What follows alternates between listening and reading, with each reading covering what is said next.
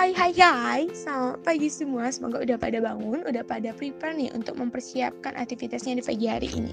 Jadi sebelum kita melakukan aktivitas kita di pagi hari ini, yuk join bersama saya di penyuluhan online dan bertemu lagi dengan saya Diana Ramadhani.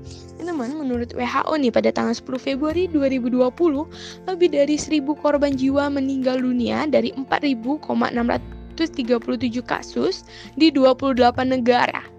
Nah, Virus corona itu dapat memiliki konsekuensi yang lebih kuat daripada apa pun. Itu menurut Dr. Tedros Adhanom Ghebreyesus, ialah seorang Director General of the World Health Organization.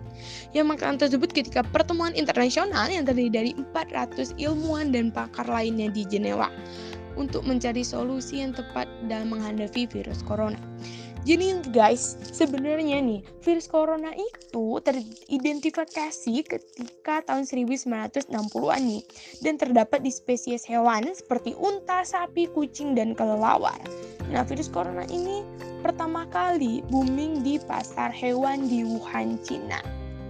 Dan virus corona sekarang lebih sering disebut dengan COVID-19 yaitu singkatan dari coronavirus dan penyakit 19-nya itu ialah tahun teridentifikasinya tepatnya pada tanggal 31 Desember 2019. Nih guys, kita tuh lebih baik mencegah daripada mengobati. Nah, ada hal-hal yang simple banget untuk mencegah virus corona antara lain. Jangan pernah megang muka kita dengan tangan yang kotor. Nah, karena virus corona itu dapat terinfeksi ke diri kita melalui mulut, hidung, dan mata nih teman-teman. Terus kita harus cuci tangan yang rutin dan kita tuh dapat menjaga jarak dari orang-orang yang bersin jaga jarak itu sekitar satu meter supaya tidak terinfeksi virus corona tadi. Dan kalau kita lagi bersin, buanglah tisu pada tempatnya. Setelah buang tisu, cuci tangan lagi. Karena virus corona itu dapat mulai dari air liur juga ya teman-teman.